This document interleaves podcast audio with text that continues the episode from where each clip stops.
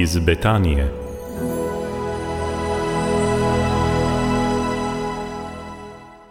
Lepo pozdravljeni, spoštovani poslušalci v rubriki iz Betanije. Žalovanje je prav gotovo tema, ki jo izkusi prav vsak od nas. Vedno upamo, da se nas bo žalovanje dotaknilo, ko bomo starejši. Verjetno pa imajo tudi mlajši izkušnjo žalovanja. O tem, kako z žalovanjem, z žalujočimi, kako ravnati, kaj je najbolj pomembno, smo se pogovarjali v oddaji Via Positiva z jezuitom Ivanom Platovnjakom. Za rubriko iz Betanije pa o žalovanju naslednje. Ja, na tem področju žalovanja, ki je pravzaprav del življenja v vsej zgodovini človeštva, vsakega človeka, je veliko pisanega, veliko govorjenega in različnih teorij. In pod rokem je prišla knjiga od Petriga O'Malley, Getting Grief Right, kako smem žalovati, ki mi je pomagala malo odpirati oči, tudi kako pristopati tudi do oseb, ki so izgubile svojo ljubljeno osebo, ki so v žalovanju. Sem se srečal kar z mnogimi tudi slovesi, najbolj me je pretreslo slovo od mojega brata, ki je naenkrat umrl in naenkrat se je življenje spremenilo. In čeprav sem bil takrat že duhovnik, me je to tudi zelo pretreslo, nisem pravzaprav vedel, na kak način tudi pristopiti do mame, očeta, do sestre, njegove žene, ki je ostala sama z dvema deklicama. Nisem zmogel tudi razumeti različne načine žalovanja vsakega izmed nas. In potem, pred slabimi desetimi leti v Ignacijskem domu duhovnosti, ko smo začeli s programom, sem za gospo Miro Dobravec pripravil, oziroma bolje ona pripravila, jaz sem bil zraven, prav vikend za žalujoče. In ob tistem sem se začel malo bolj zavedati, tudi kaj vse ljudje doživljajo ob smrti in potem po smrti.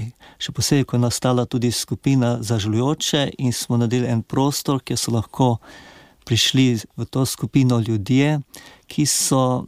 Ki niso našli nekje prostora, da bi lahko izrekli, izpovedali svojo zgodbo, Petrik Omeli je že starejši gospod zdaj, ki pa se je več kot 30 let ukvarjal prav z terapijo in doživel je tudi, kot, ko se je poročil in sta srečno pričakovala rojstvo prvega otroka, ženo, da se je ta otrok prehitro rodil in so se potem borila za njegovo življenje štiri mesece in več, da je potem lahko prišel v njuno družino, in potem je po pol leta naenkrat umrl. Ko se je soočal s to smrtjo, nenadno smrtjo svojega otroka, si njim znal pomagati z tem, kar se je učil. Stopna zanikanja, stopna jeze, stopna barantanja, stopna depresija in potem pač kot sprejemanje, in da mora nekje v šestih mesecih to se končati in moraš iti preko in moraš zaživeti normalno življenje, ker drugače pa si že malo za posebno strokovno pomoč in nisi čisto nekje normalen. In eh, ta mož, oče, je naenkrat videl, da sistem ne more pomagati. In kako mnoge prav to, da mislijo, da morajo predelati, da morajo to iti preko, da, da je to pač tako, najdi, kateri stopni sem in potem katero stopno me čaka. Pravzaprav nekaj, kar človeka nekje omeji, ga nekje zapre, mu onemogoča, da bi šel svojo pot, svoj proces žalovanja. In da žalovanje ni nekaj, kar je narobe.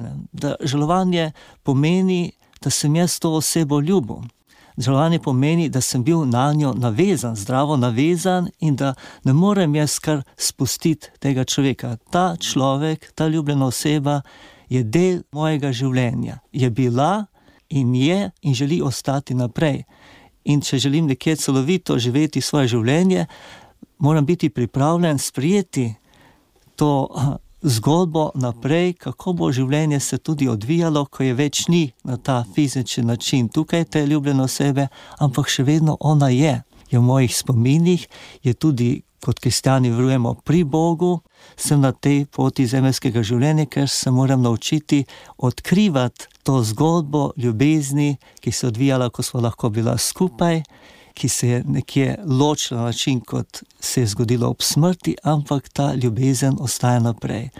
In Petrik je v tej knjigi predstavlja načine, kako pravzaprav ljudem pomagati. In tudi ta rubrika, upam, da predstavlja načine, kako pomagati.